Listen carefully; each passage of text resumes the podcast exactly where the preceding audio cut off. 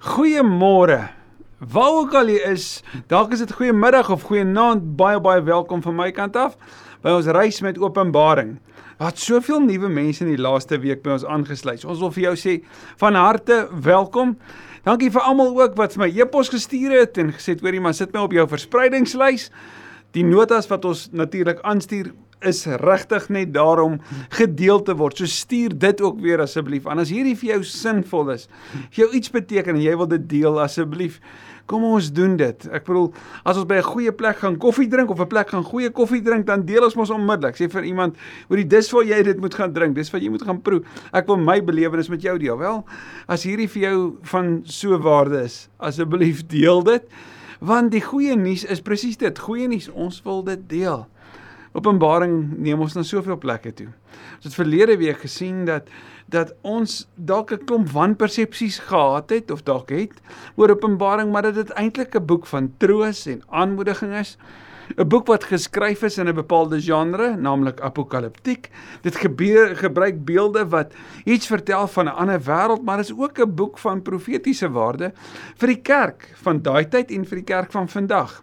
As jy byvoorbeeld dink oor die oor die tydsbeweging, Openbaring beweeg vanaf die opstanding tot die wederkoms in daai tyd tussenin wat ons noem die eindtyd, die tyd van afwagting. Openbaring begin met hierdie aankondiging van Jesus wat kom daar in hoofstuk 1 vers 7. Openbaring eindig in hoofstuk 22:20 met hierdie aankondiging ek kom gou. So in hierdie tyd van afwagting kom skryf Johannes in die mees geïsoleerde tyd en fase in sy lewe. Die grootste fase van lockdown wat hy ooit kon beleef. Alleen op die eiland Patmos deel hy dit wat die Here vir hom wys. Terwyl hy vanuit gebed hierdie hierdie openbaring beleef het, deel hy dit. Ek en jy kan ook vanuit die diep alleentyd in ons lewe in ons ontmoetings met die Here waarhede ontdek wat ons met ander kan deel. Maar Openbaring beweeg nie net tussen hierdie tydlyne nie, dit beweeg ook ruimtelik tussen twee ruimtes, naamlik op aarde en in die hemel. En so tussen in hierdie vier as dit ware grenslyne beweeg hierdie kosbare boek. En ons begin vandag, ons sluit aan by hoofstuk 1 se einde met die boodskap aan die sewe gemeentes daar aan die westelike kant van Klein-Asië. Hierdie sewe gemeentes wat 'n getal is vir die volledige kerk, nie net van daai tyd nie, maar vir vandag die universele kerk. Ons gaan sien dat dit regtig kontekstuele briewe is per gemeente in hulle konteks, maar dan gaan ons sien dit moet gedeel word soos wat hierdie hele brief gedeel moet word met die ander gemeentes want ja, wat die Here vir 'n ander gemeente sê kan ook wees wat ons nodig het om te hoor. En so beweeg dit in daai tyd tussen die gemeentes daar in Wes-Asië en so gebeur dit ook dat die Here vandag ook dit wat daar kontekstueel waar was, die waarhede daarvan ook na ons toe bring. Ek bid so dat jy jou hart sal oopmaak en sal deel in hierdie kosbare reis waarin ons Christus se oorwinning aankondig en dit vier en hoor wat wil die gees van die Here aldus hoofstuk 2 en 3 vir die gemeente sê en vandag dan hoofstuk 2. Kom ons bid. Dankie Here dat u woord so tydig is dat u woord genoeg is dat u die lewende woord self is. Dankie dat ons vandag en waar ook al dit is in ons lewe, waar ook al dit is op ons reis, waar ook al dit is dalk met my Bybelstudiegroep, my selgroep, my gesin, my huwelik, waar ook al dit is waar ons onsself mag bevind, dat U vandag op hierdie oomblik in hierdie tyd in ons lewe iets met ons wil kom deel wat ons by U moet hoor. Mag dit regtig kosbare inligting wees wat ons kennis en ons diepte kennis van die woord verruim en verryk maar mag dit ook wees Here dat dit ons harte raak. Soos hoofstuk 1 van Openbaring sê dat hulle dit wat dit hoor en dit van harte glo dat hulle makarioi is, geseëndes is. Kom seën ons daarom ook vandag, Here, wees aan die woord ons eer U in Jesus se naam. Amen. Openbaring 2 en 3 se aankondiging vir die gemeentes is in 'n baie spesifieke tyd. Dis geskryf vir sewe gemeentes in sewe stede waarvan 3 daarvan die grootste van die top 10 stede van van daai tyd is. Ek wil Efese byvoorbeeld is die derde grootste stad gewees in die antieke wêreld met 200 dalk selfs plus 1000 inwoners was Efese 'n baie belangrike stad. sien dit was in 'n tyd van groot groot wel, welvaart geweest. Want keiser Augustus het besluit om die skuldlas van die stede af te skryf. Wat beteken dat die welvaart in die stede ontsettend toegeneem het? Daai skuldlas van die heeltyd dit betaal was afgeskryf en nou kon jy daai geld gebruik in die in die opbrengs gebruik vir die ontwikkeling van die stad en van die stede.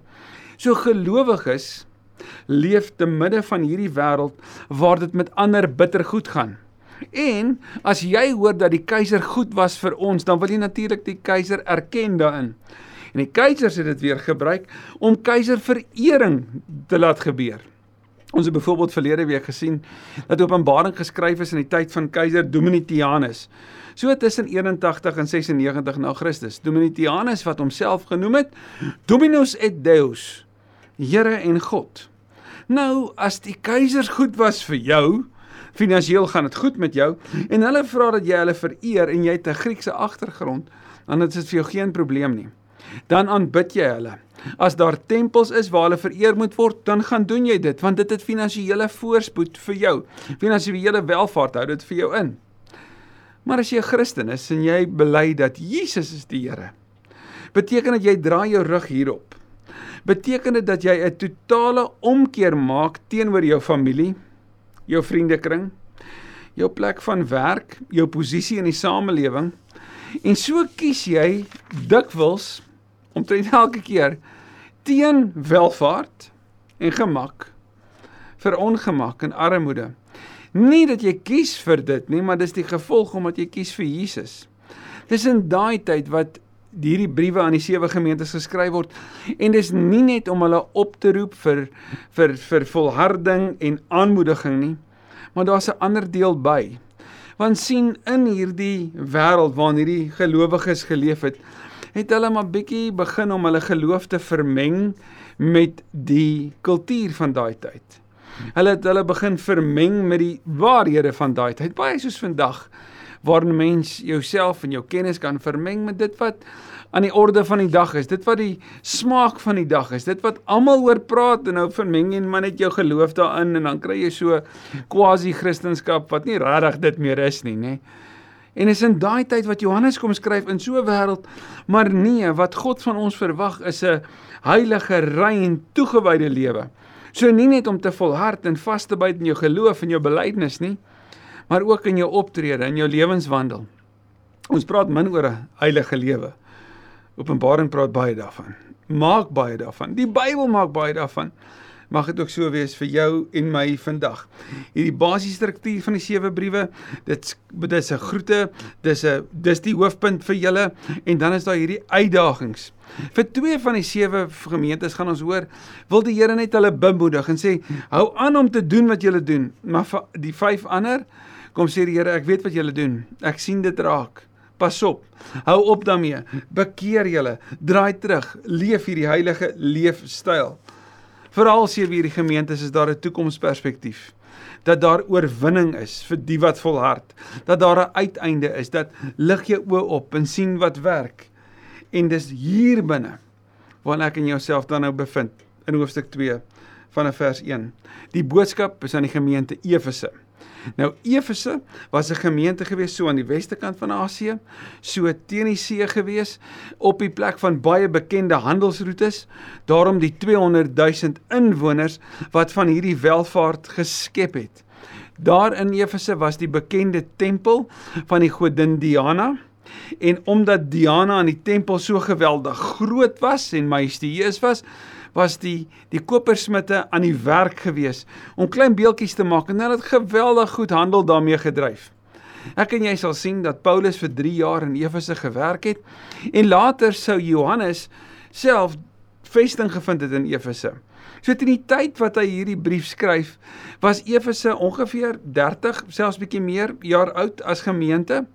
So ek weet nie hoeveel van julle is in gemeentes van 30 plus jaar nie, maar is al gevestig. Dis nie meer eerste generasie gelowiges nie, dalk tweede, selfs derde generasie gelowiges wat in hierdie gemeente wat waarskynlik toe nog in huise bymekaar gekom het, gevestig is. Is vir hierdie gemeente waarin Paulus, ag waarin Johannes die volgende skryf. skrywe aan die leraar van die gemeente in Efese. So sê hy wat die sewe sterre in sy regterhand vashou en wat tussen die sewe goue lampe rondgaan. Ek en jy het verlede week gesien dat hierdie sewe sterre verteenwoordig die sewe leraars en hierdie sewe lampe die sewe gemeentes en dat hy wat tussen dit rondgaan is die hoof daarvan want hy's die hoof van die liggaam. En hy hou dit in sy hand wat met ander woorde vir jou en my sê die totale kerk is in die hand van soos hoofstuk 1 hom beskryf, die seun van die mens. Vers 2. Ek weet alles wat julle doen. Nou julle Psalm 139 sê presies dit. Here, U ken my. U sien dwars deur my. U weet my gedagtes nog voordat dit by my opkom. Daar's nog nie 'n woord op my tong nie, Here, of U weet wat dit gaan wees. Net herinnering aan die gemeente. Die Here sê, ek weet alles wat julle doen. Ek ken julle onvermoeide arbeid. Anders gestel, die feit dat julle nie ophou nie. En julle volharding. Julle kan nie slegte mense verdra nie. Julle het ondersoek ingestel na die mense wat voorgee dat hulle apostels is, aan die woorde valse apostels, en dit nie is nie, en gevind dat hulle leenaars is. Anders gesê, julle luister fyn. Julle het seker gemaak. Julle toets. Ons moet tog hierdie waarheid nooit vergeet nie. As iemand vir jou sê so sê die Here, Here, maak seker. As iemand vir jou kom sê ek ervaar, ek beleef of die Here het gesê, gemaak baie baie seker. Toets. Stel voor, stel met stel stel alles in jou in om seker te maak. Bevestig die woord dit. Bevestig ander gelowiges dit. Moenie enigiets vir soetkoek opeet nie.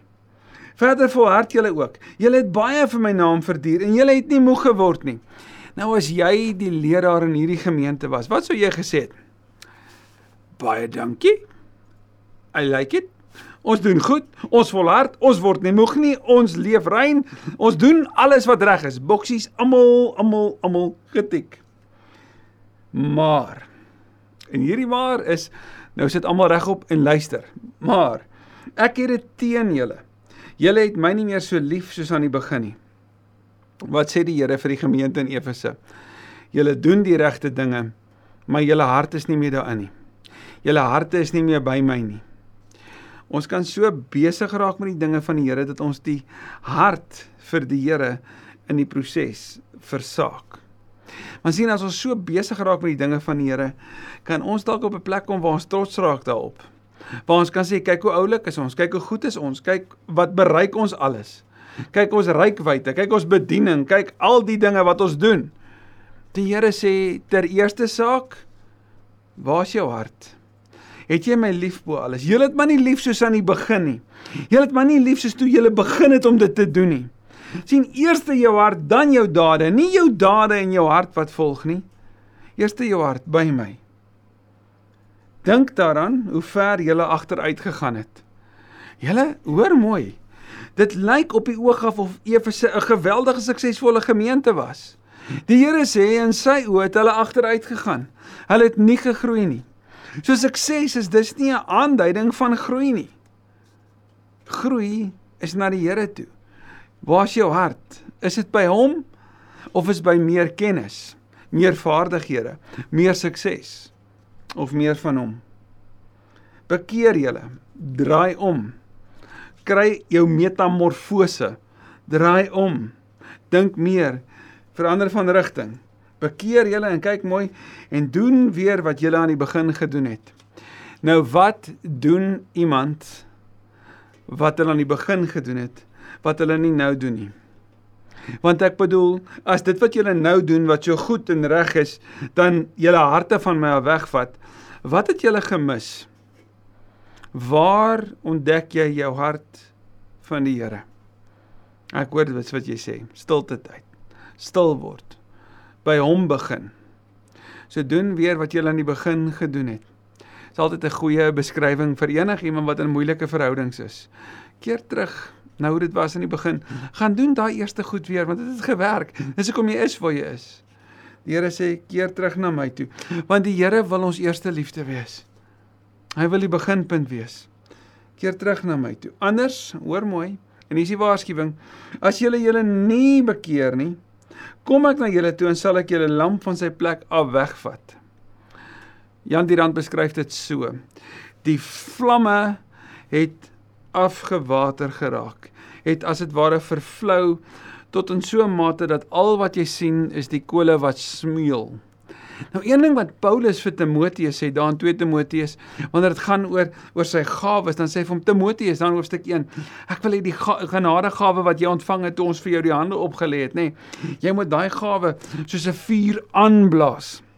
Nou die Grieks daar het nie net te doen met aanblaas maak dit nog meer nie het dit te doen met die Engelse beskryf dit as rekindle so sit weer die houtjies op en blaas dit kry dit weer aan die gang. Laat dit hier van onder af weer aan die gang kom. Hier sê die Here vir die gemeente in Efese, ek het nodig dat julle hierdie vuur weer aan die aan die onderkant begin aanblaas, aanwakker. Dat dit weer 'n vlamme kan word wat verander sigbaar word. Want daar's 'n waarskuwing as julle dit nie doen nie. As julle nie weer julle vuur van passie en liefde vir my aan die gang kry nie, gaan ek hierdie lig wat julle het, gaan ek van julle wegvat en ander gaan nie meer kan sien wat se lig het ek in julle geplaas nie. En die Here praat met 'n gemeente, maar hierdie brief is vir al die gemeentes. So wat sê dit vir jou en my en die gemeente waarvan ek deel is? Wat sê dit vir ons en hoor ons? Want die Here sê ek sal die lamp van sy plek af wegvat. Hierdie bekende bekende beeld wat in die wêreld van Efese veral ook die lamp wat in die wat vir 'n huisgesin lig gegee het, vir hulle baie bekend was. Dan sit julle in die donker as dit ware. Maar dit het julle daarom in julle guns sê die Here. Julle verafskie wat die Nikolaïte doen, net soos ek dit ook verafskie. Nou wat het die Nikolaïte gedoen? Want dit was 'n groep mense gewees as dit ware 'n 'n groep van van heidene wat die dwaalleer van die heidende erken en aangevier het. En wat was hierdie dwaalleer? Wat het alles gegaan oor 'n immorele leefwyse. 'n Leefwyse wat doen wat jy voor lus is. So enigiets wat jy wil doen as as dit ware om jou verhouding op te spice, om jou huwelik op te spice sogenaamd, wat ook al jy intrek en bytrek om hierdie net lekker aan die gang te hou. Dis wat die Nikolaïte sou sê, dis wat jy moet doen. Nou sê die gelowiges van Efese, daar's nie 'n manier nie. Anders gesê, no compromise. Ons gaan hierdie nie afwater nie. Ons gaan nie aanpas by hierdie nie.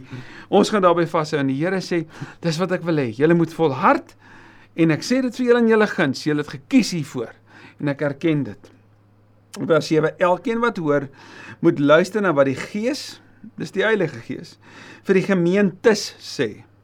So hierdie boodskap vir Efese was toe nie net 'n boodskap vir hulle nie, maar 'n boodskap vir al sewe gemeentes aan wie Openbaring gestuur word. Aan elkeen wat die oorwinning behaal, sal ek te ete gee van die boom van die lewe Dis daai boom in die paradys en ons gaan sien aan die einde van van Openbaring verwys dit natuurlik na die ewige woning van die Here. So hierdie boom van die lewe en dat hulle te ete kry, het iets baie mooi verwysing na die na die Bybelse beeld van 'n maaltyd, van 'n feesmaal waarna toe jy ge, genooi word. En hierdie boom van die lewe bring dus nie skeiding en verwydering nie, maar lewe om saam met die Here te wees wat aan die paradys van God, aan die ander woorde in die nuwe Jerusalem is. So Efese, julle doen goed, maar herontdek julle hart. Keer terug na my toe, begin by die begin, begin by my, bly by my. Ek is die eerste liefde in julle lewe en vanuit dit doen wat reg is. Maar begin by my. Boodskap aan die gemeente in Smyrna. Ten tye van die skrywe hiervan was Smyrna die 6de grootste stad in die antieke wêreld met so 100 000 inwoners. Smyrna was so 56 km van Efese af gewees. Smyrna was 'n bondgenoot van Rome gewees. Daarom het Rome ook omdat dit 'n bondgenoot is baie goed gedoen aan Smyrna en aan hulle kant het Smyrna 'n ruimtegebied vir keiserverering. Nie net vir die verering van die keisers nie, maar vir die oprig van tempels waar die keisers erken en selfs aanbid sou word. In Smyrna, weet ons, eh, was 'n man met die naam van Paulus gewees. Hy het die gemeente gestig so tussen 53 en 56 na Christus. En ten tye van skrywe was waarskynlik Polycarpus die leier gewees van die gemeente. 'n Jonge Polycarpus. Polycarpus wat in 155 na Christus sy lewe op 'n brandstapel verloor het omdat hy geweier het om te sê Caesar is die Here. Hy het bely Jesus is die Here. Ek gaan dit nie sê vir Caesar nie en hy het sy lewe moes gee. Vandag gaan jy Smyrna aan weet ehm um, opspoor in die in die stad Ishmir. Dis 'n hawe stad. So soos ek sê, so 56 km weg van Efese af. En die woord sê: Skrywe aan die leraar van die gemeente in Smyrna, so sê die eerste en die laaste. Weer eens hoofstuk 1 wat dood was en weer lewend geword het. Soos Filippense ons herinner. Ek ken julle verdrukking en armoede. En tog is julle ryk. Ek weet ook van die kwaadstokery van die mense wat daarop aanspraak maak dat hulle Jode is en dit nie is nie, maar tot die sinagoge van die Satan behoort. Nou die sinagoge van die Satan beteken hulle is deel van die groepering van vyande teenoor gelowiges. Maar sien daar was 'n groot groepering van Jode in Smyrna gewees en van hierdie Jode het het die Christene bygekom.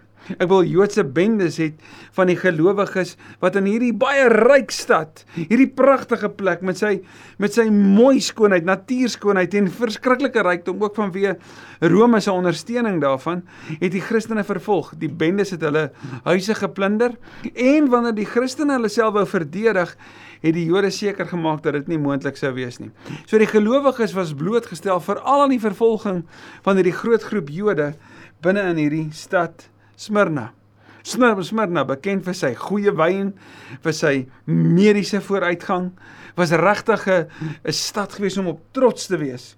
Die hoofsentrum natuurlik van die keizerkultus.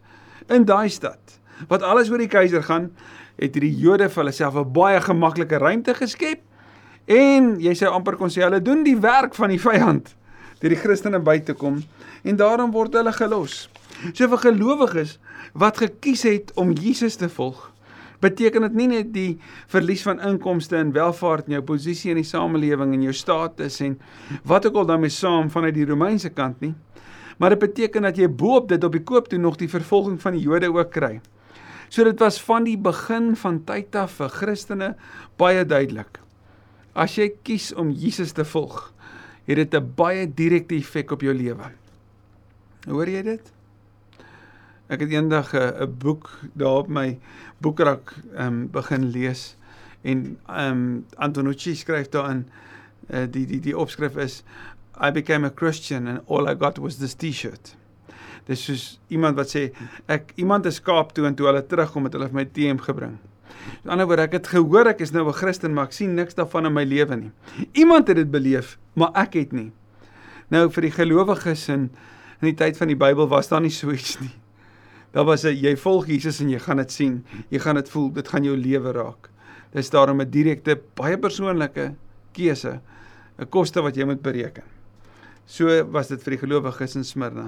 En die Here sê hierdie wat hulle vervolg, behoort nie aan die Jode groep selfs nie, maar aan die sinagoge van die Satan. So hierdie sinagoge waarvan hulle deel is, is die sinagoge waarvan die duiwel die hoof is. Vers 10: Moenie bang wees vir wat julle alles gaan ly nie. Dis soos Johannes 16:33 sê. Ek sê julle julle gaan dit moeilik hê in hierdie wêreld, maar hou moed. Ek het hierdie wêreld oorwin. So die Here sê moenie bang wees vir die onsekerheid nie. Onthou, hy gaan saam met hulle, nê? Kyk, die duiwel gaan party van julle in die tronk laat gooi sodat julle in beproewing sal kom en julle sal 10 dae lank baie swaar kry. Hierdie 10 die getal wat simbolies is van volledig weet van iets wat volledigheid aandui. So julle gaan per 'n volledige getal in die tronk gestop word. Dit gebeur met Paulus in Handelinge 16. Maar gaan kyk gerus, ekskuus tog, na Daniël 1 vers 12 tot 14 hieroor. Maar hoor wat sê die Here, agter die skerms is mense besig om die werk van die bose te doen. En die bose kom nie na jou en my toe en ontbloot homself nie, hy kom gesluierd en so kom sy volgelinge ook. In 2 Korintiërs 11 sê Paulus, die duiwel vermom hom as 'n engel van die lig en daarom moet ek en jy nie verbaas wees as sy volgelinge dit ook doen nie. En hier kom sê die Here, julle gaan ly. Maar ek wil hê julle moenie bang wees nie. Daai meer as 365 keer in die woord wat dit vir ons gesê word, moenie bang wees nie. Julle gaan swaar kry. Dit word gesê. Maar hier kom die belofte, bly getrou tot die dood toe. En hier's die gevolg. En ek sal julle die lewe as kroon gee. Nou, hierdie beweging van dood na lewe was ook baie bekend vir die mense van Smyrna want 3 keer is Smyrna as stad verwoes. En 3 keer is hy opgebou. Die laaste keer so om en by 250 na Christus deur 'n aardbewing, maar is weer herbou. Vandag nog kom sê die stad Ishmir vir ons, hulle is uit die absolute ruïnes herbou tot 'n magtige stad. Nou kom sê die Here iets van die storie van Smyrna as die storie van die gelowiges. Hulle wat sal ly, sal swaar kry en ja selfs ter dood veroordeel word. Hulle gaan deel hê in die lewe. Hulle word geroep om te beweeg van die dood na die lewe. Vers 11. Elkeen wat kan hoor moet luister na wat die Gees vir die gemeente sê.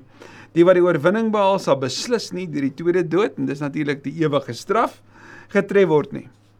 So Smyrna, hierdie pragtige stad so teen die see, hierdie Romeinse bondgenoot se gelowiges word nie vasgetrap nie want hulle betaal die prys maar hulle bly toegewy. Die Here sê hou net aan, volhard. Gee jou bes. So vir die gelowiges van die vervolgde kerk in 2022 sê die Here hou net vas. Al moet jy ly, ly omdat jy aan my getrou is. Ek gaan vir jou die kroon van die lewe gee vir die gemeente in Pergamon. Pergamon was so 72 km noord van Smyrna, so 24 km van die see af, het die Here bepaalde boodskap. Nou Pergamum was ge, gebou gewees op 'n rotsagtige gebied. Met ander woorde, bo op 'n rots maak dit 'n veilige vesting. Wat beteken dit kan 'n militêre hoofstad word wat dit toe geword het, 'n basis, want van daar af kan jy jou vyand natuurlik aanval en is maklik om die stad te verdedig. So as baie sterk militêre agtergrond in in hierdie stad. Dit was die hoofstad van die provinsie en die Romeinse god van of die ja, die Romeinse god van genesing en ek wil dit nou mooi uitspreek. Aesculapius is daaraan bid. Nou Aesculapius se se beeld was die van 'n slang. Nou weet ons die die gelowiges het vergelyk die slang met 'n met 'n met die Satan. Maar die die god van genesing vir die Romeine as slang het hulle in Pergamon het hulle gelowiges wat siek was in 'n kamer ingebring vir die nag en daar was slange daar binne en daar's geglo dat wanneer 'n slang aan jou raak dan het dit genesing gebring. Daarom vandag nog vir jou en my sien ons op die simbool van die mediese dienste 'n slang. So slang herinner aan genesing en dit was ook so gewees in die stad Pergamon. En verder het ons in Pergamon iets baie interessants gesien en dit is dat of vind ons dat perkamentrolle daar ontstaan het. Hierdie velle waarop daar geskryf was. So die die die die skryf van briewe en die aangee van inligting het juist daaruit ontstaan en daarom was dit baie baie gewild geweest om jou perkamentrolle by die ontstaanstad daarvan Pergamum te gaan kry. Daar's meer as 200 000 van hierdie pergamentrolle in die biblioteek gewees van Pergamum. So ons het dit ook gesien as 'n basis. Ons vind dit as 'n basis van intellektuele kennis, vaardighede en natuurlik inligting. So dis hier binne binne hierdie hoofstad wat ons ook daarom sal kon sien ook as 'n hoofstad van afgoderry wat gelowiges hulle self bevind. En wat wil die Here vir hierdie stad sê? Hierdie hierdie gelowiges in hierdie stad waar die altaar van van die van die Romeinse gode soos Zeus, Athena en Dionysius te vind is. Nou Zeus was natuurlik vir hulle gesien as die god gewees. Sy seun Apollo gaan ons sien in 'n in 'n ander stad vereer in 'n tempel. En daar's verskillende tempels gewees vir al hierdie afgode in hierdie hoofstad, hierdie magtige stad, hierdie hoofstad ook dan nou van afgodery. Wat sê die Here vir die gelowiges wat daar binne hulle geloof moet leef en bely teenoor wat almal anders sê? Die volgende.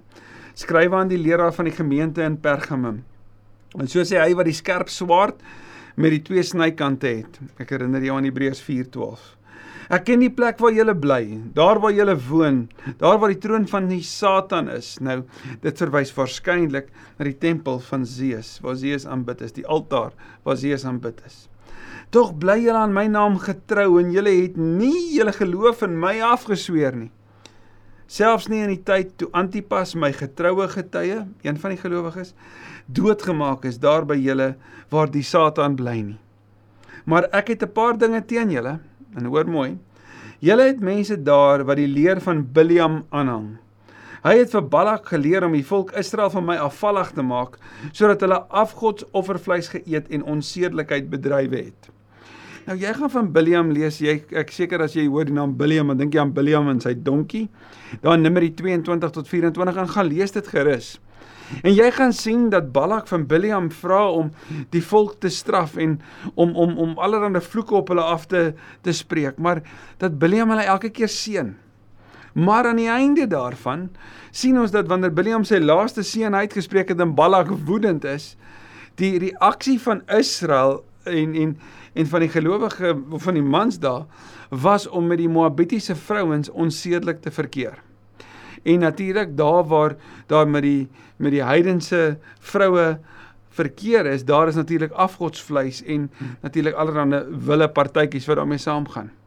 So sê die Here in hierdie stad waar daar afgodery is en wanneer daar afgodery is, daar nie net die eer bring van die afgode nie, daar's ook die partytjies wat daarmee saamgaan, die die afgodsvleis wat geëet word en natuurlik die onsedelikheid. Nou sê die Here, ek het dit teen julle dat daar sommige van julle is wat so begin leef. Julle verdraai julle rug op my en die waarheid en julle begin om julleself oor te gee aan julle liste julle begin om die partytjies by te woon en alles wat daarmee saamgaan natuurlik. Soos daar dan onder julle ook mense wat die leer van die Nikolaïte aanhang en dieselfde sondes doen. En by Efese het ons gesien dat die Nikolaïte het die het die leer van die heidene aangang naamlik om onsedelik te leef, om immoreel te leef. So die Here sê daar by julle in Pergamum, daar waar al hierdie wille dinge gebeur, is daar gelowiges wat hulle nadoen. Jy gaan sien in 1 Korintiërs skryf Paulus oor gelowiges wat dieselfde doen in hulle huise en dat die gemeente niks daaroor sê nie. Die Here sê ek het dit teen julle. Ek sien dit draak. Ek is baie bewus daarvan dat daar dis mense is wat sê dat hulle gelowig is, maar wat net so deel is van die samelewing soos die ongelowiges wat saam deelneem in daai wilde partytjies en tog bely dat hulle gelowig is. Wat sê die Here daarop op hierdie verskriklike hartseer situasie vir die gemeente in Pergamum? Hy sê: "Bekeer julle nou, anders kom ek gou na julle toe en sal daardie mense bestry met die swaard van my mond." In hierdie militêre wêreld kom sê die Here, hy gaan met sy woord kom en hy gaan veg. En hy sal die geveg wen met die swaard wat natuurlik simbolies is van Romeinse gesag. En hier kom sê die Here, hy het gesag oor dit vers 17 elkeen wat kan hoor moet luister na wat die gees vir die gemeente sê. Aan elkeen wat die oorwinning behaal die ander woord hulle wat volhard hulle wat die lam volg tot aan die einde toe sal ek die verborgde manna gee. Verborgde manna is natuurlik dit wat die Here in voorsien het. So kom sê die Here ook ek gaan vir julle voorsien en die verborgde manna het waarskynlik te doen met die die die, die voedsel in die ewige tuiste saam met hom dat hy ons sal versorg dat hy hulle sal versorg ook in hiernamaals En kyk maar en daarby saam sal ek vir hom 'n wit steentjie gee met 'n nuwe naam daarop gegraveer. Gaan lees meer hieroor in Jesaja 62 vers 2. Hierdie wit steentjie kan of verwys na een van die juwele wat 'n priester in sy sakkie gedra het wat iets kom wys van toewyding en reinheid of dit kan verwys na die klippie wat 'n regter in die tyd van die Bybel in 'n kruik sou gooi wanneer hy iemand onskuldig verklaar. So wanneer jy volhard in hierdie bose wêreld, in hierdie wêreld vol versoekings en en en en wilde dinge, wanneer jy volhard en toegewyd agter my aanstap en dalk ongewild in hulle oë, onthou mooi, daar wag vir jou verborgde manna. En daar wag vir jou hierdie teken van reinheid wanneer jy in 'n rein lewe agter my aanstap. Hierdie hierdie simbool van reinheid, hierdie steentjie met 'n nuwe naam hierdie naam wat daarop gegraveer is wat niemand anders ken nie net hy wat dit kry. So kom sê die Here volhard leef agter my aan te midde van 'n wêreld vol vervallendheid. En so kom ons by die vierde gemeente die gemeente in Thyatira Nou Thyatira is so 64 km suidoos van Pergamum. Dis nie geleë op 'n koppie soos Pergamum nie, so hy het nie 'n militêre aanslag of kan gebruik word as 'n vestingstad nie. Hy's blootgestel, hy lê in 'n vallei waar twee ander valleie bymekaar kom. Maar 'n vallei moet vir jou en my natuurlik herinner, dis welig. Daar's wonderlike geleenthede vir produkte soos wol en leer. Jy weet van Thyatira want as jy in Handelinge 16 lees, dan gaan jy lees van Lydia, die purperverkoopster. Wat het sy verkoop? Pers, wolmateriaal. Sy was die eerste lid van twee gesinne wat die gemeente in Filippi sou vestig. Sy is afkomstig van Thyatira af. So Thyatira het al hierdie verskillende uh tekstiel nywerhede en bedrywe en vir elke verskillende tekstiel was daar 'n tekstiel afgod gewees en saam met die afgodery was daar 'n bepaalde kultus gewees, was daar bepaalde offers wat jy moes bring en saam met dit bepaalde partytjies en natuurlik die gevolge daarmee saam. So as jy as gelowige dis Jesus kies, dan kies jy teen al hierdie dinge jy mag jou werk verloor want jy neem nie deel aan die kultus en die afgodery en aan die partytjies nie. So word jy verstoot, verstoot, verstoot in 'n wêreld wat regtig finansiëel baie sterk is. Wil Thyatira omdat hy in 'n vallei was, kon hulle hulle self nie beskerm nie. So wat moes hulle doen? Hulle het 'n garnisoen van soldate gehad om hulle as stad te beskerm en natuurlik om die pad na Pergamum toe ook te moes verdedig want ek bedoel Pergamum was 'n militêre hoofstad gewees. So hulle wou daai ook beskerm. So Thyatira, hierdie hierdie hierdie pragtige stad, hierdie mooi stad was ook 'n stad gewees wat omdat dit al hierdie valleie bymekaar gebring het, al hierdie handelsroetes bymekaar gebring het en so welvarend was. Maar maar dit het ruimte gebring vir gelowiges om daar binne presies die teendeel te beleef wat die stad beleef het. Nie die voorspoed en die welvaart nie maar eerder verwydering. Wat kom sê die Here vir gelowiges te midde van dit? Te midde van hierdie stad waar die tempel van Apollo, die seun van Zeus, bestaan het, waar Apollo aanbid is, nie so baie keiserverering nie, maar die afgode van Romeine van die Romeine en besonder dan Apollo. Skrywe aan die seun van die leraar van die gemeente in Thyatira. So sê die seun van God. Nou Apollo was die seun van Zeus. So sê Jesus die seun van God. Wie se oë soos vuur vlam wat natuurlik verwys na insig en oordeel en wie se voete soos geel koper is. Gaan kyk maar na Daniël 10 vers 6. Ek weet alles wat julle doen. Hierdie woord doen diakonia, ek ken julle dienswerk, julle diensbaarheid. Ek ken julle liefde en geloof. Paulus het daai woorde so dikwels bymekaar julle liefde en geloof en wat ons dus sien is liefde vir God loop uit in liefde vir die mense, vir die naaste. Ek ken julle diensvaardigheid en julle volharding. En ek weet dat julle nou ook meer doen as ooit tevore. So gelowiges in Thyatira, ek is bewus van wat julle doen.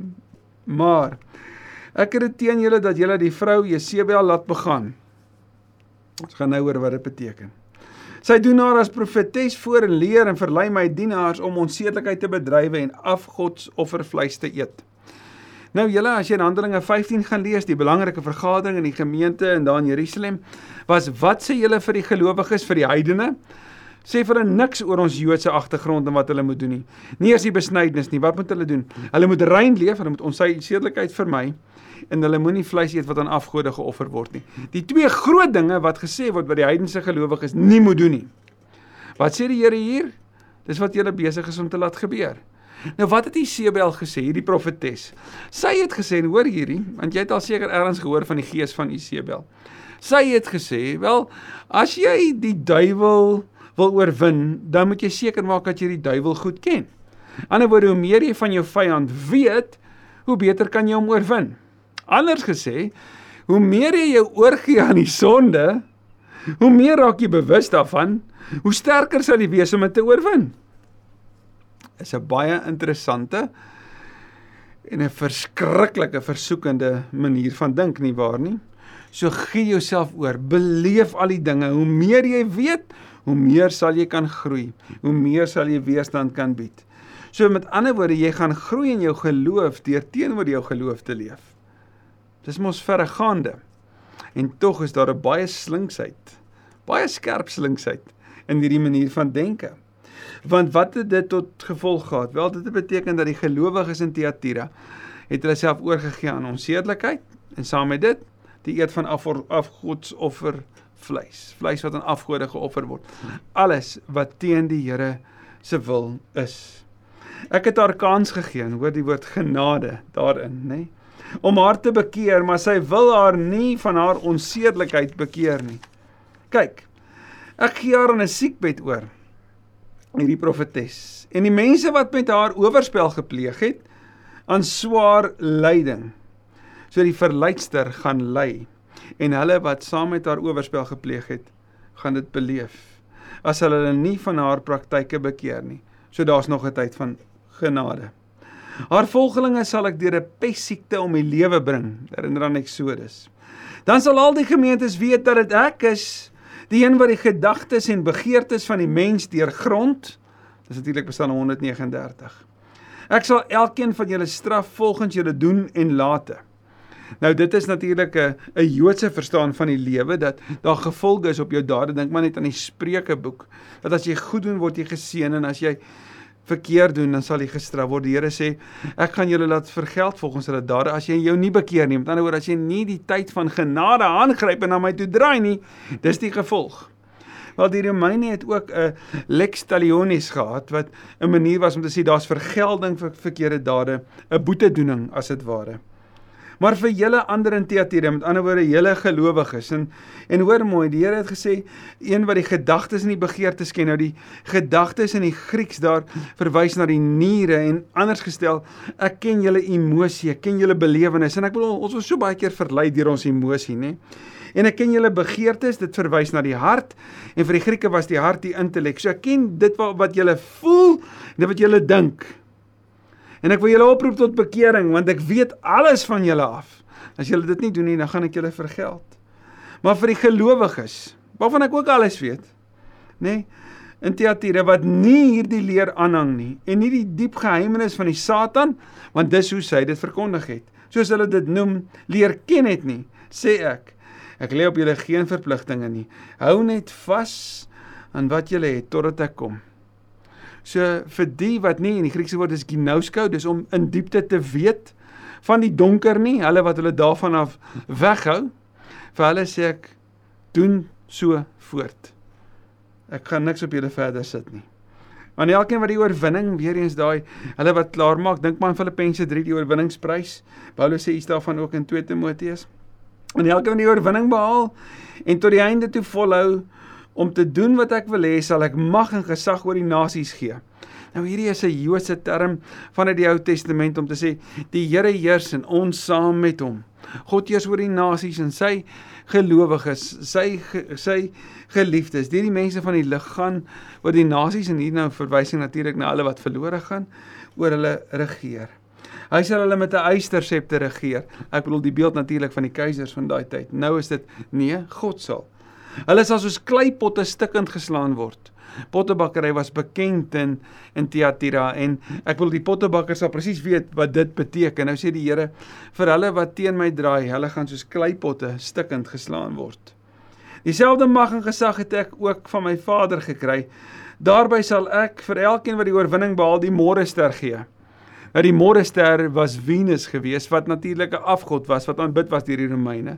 Nou hoor mooi wat sê die Here. Ek is die Here oor dit alles. En hierdie wat julle aanbid as 'n afgod, ek gee dit sommer as 'n geskenk want dit is nie. Dit is nie 'n god nie. Ek is die skepper van dit alles.